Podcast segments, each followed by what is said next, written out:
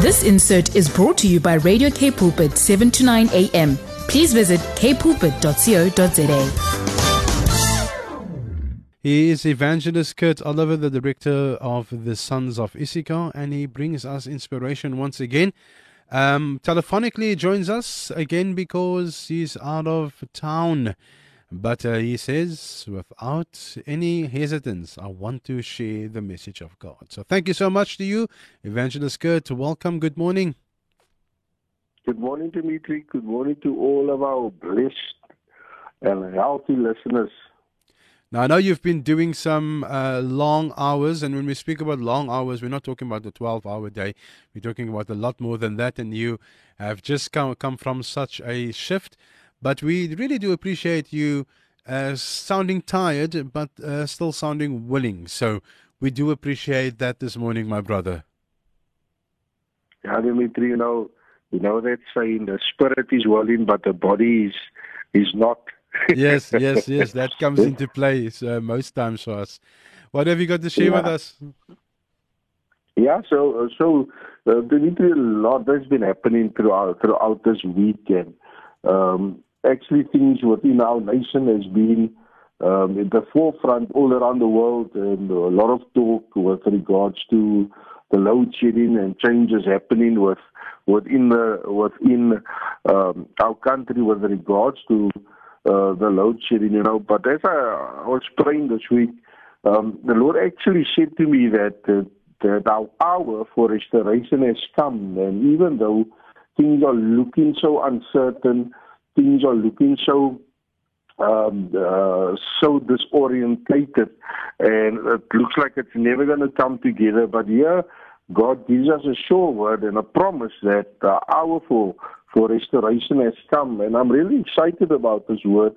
It's not an easy, uh, easy word that the Lord has has given me, um, but I believe you know that sometimes we need to also bring rebuke because it's the it's a rebuke that realigns us again. It brings us back to that place where we can walk in alignment with God's plans and what He has in store for us.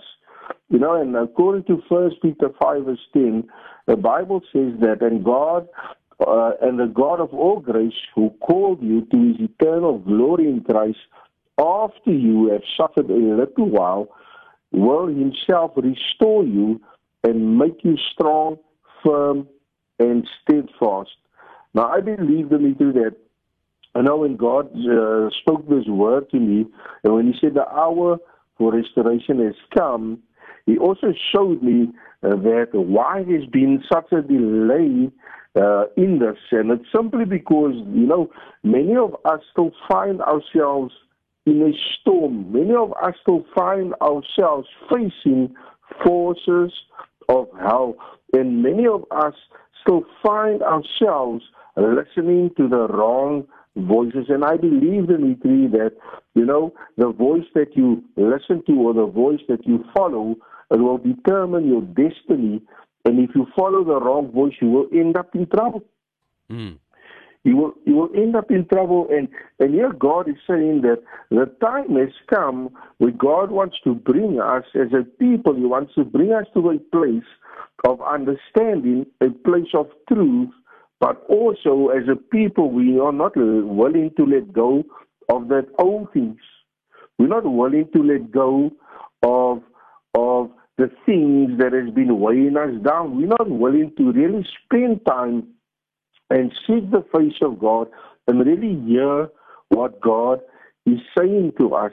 And sometimes, Dimitri, if I can say it like this, that sometimes within our relationship and in our journey with God, there's times that we become tired, but there's also there's times that we become lazy.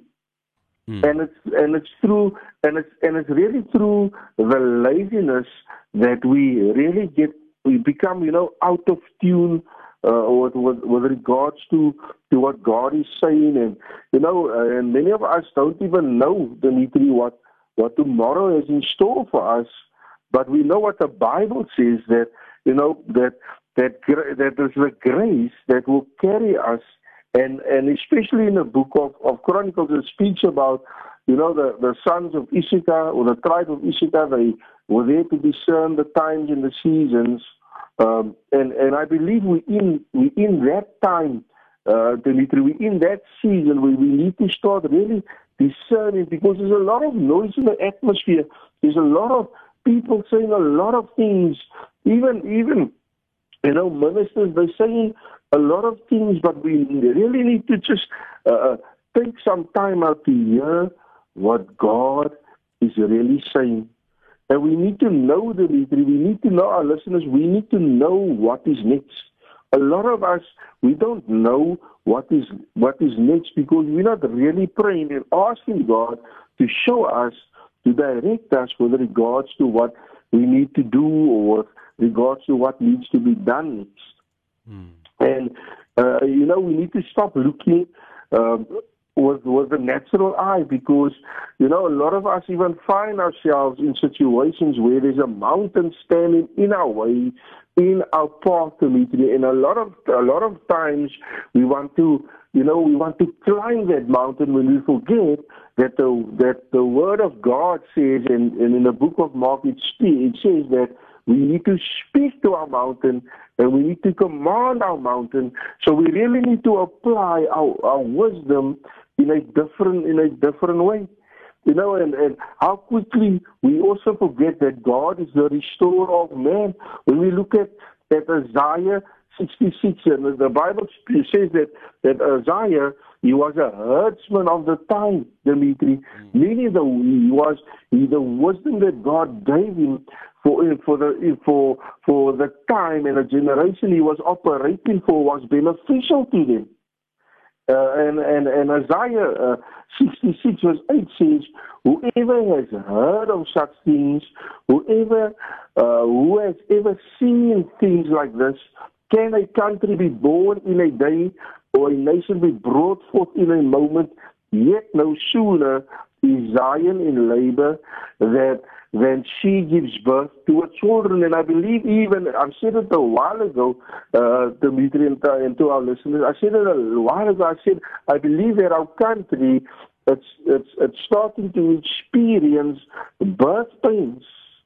And, and, you know, from that birth pains, I believe that we're about to give birth to something, but we're also about to experience something that we're about to experience a move of God that the, the earth has never seen before. Mm. And, and speaking about being pregnant, I believe it's also being pregnant with a purpose and a calling of God. But I want to say also, Dimitri, that it also uh, uh, we need to also push through. We need to also start uh, reminding the enemy that we are above and not beneath, that we uh, we are the head and not the tail. We need to start declaring it over our nation. And we need to know, uh, we need to know who our identity is found. Our identity is found in, in, in Jesus. And we need to know uh, that, and I want to declare it even over the airwaves this morning. I want to say that no devil will be able to stop the purposes of God and what God has in store for his people. And I want to say this morning that we need to really start pulling up our socks in. And I believe even through this whole uh, load shedding crisis, we are starting to see how many are starting to come together.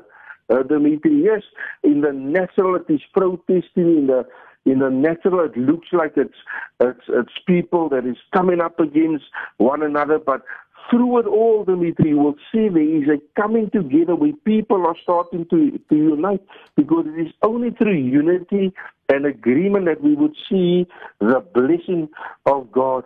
And what happened in Genesis 16 when Sarah and, and Abram, you know, uh, where, where Abram, sorry, where Sarah said, uh, go sleep with Hagar, uh, it was because of her not having a child where things started to become unbearable. And we in that time now where things are starting to become unbearable. But suddenly, Dimitri, God is going to change things and turn things around in our favor. And the Bible also declares that uh, we need to rest for a moment and not a lifetime, not for years, but many of us, Dimitri, listen to this, many of us have lost our way and our promise and dreams have died.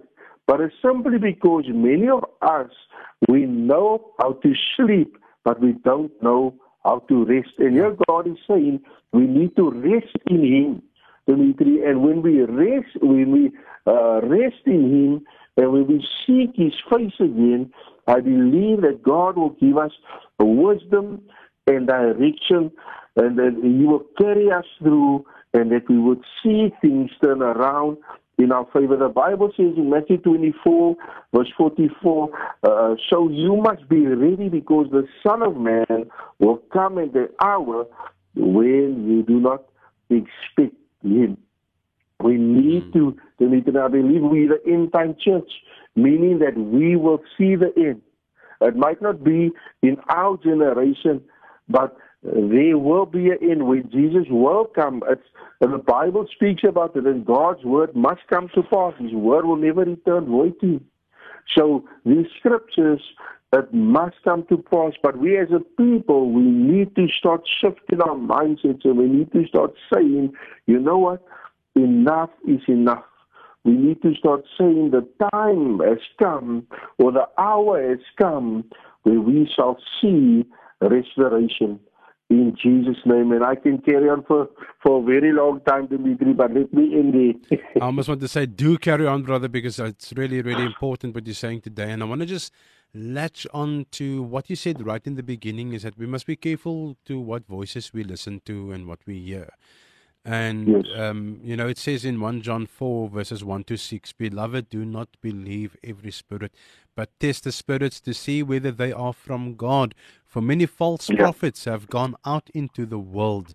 By this you know the Spirit of God, every spirit that confesses that Jesus Christ has come in the flesh is from God, and every spirit that does not confess Jesus is not from God. So we yeah. we have some way to test the spirits, and we need to say that, uh, you know, is Jesus incarnate? Is God incarnate?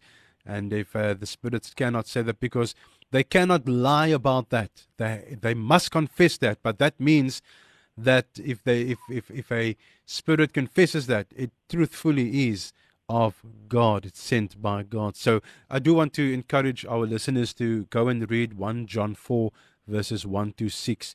Um, it is also uh, the very um, familiar scripture that we um, that that we always quote um, is within that is uh, you know if God is uh, uh um, not, not if God is for us but uh, the one who is in us is greater than the one yeah. in the world and that is in uh, verse 4 and I love the way it starts it says little children you are from God and have overcome them for he yeah. who is in you is greater than he who is in the world.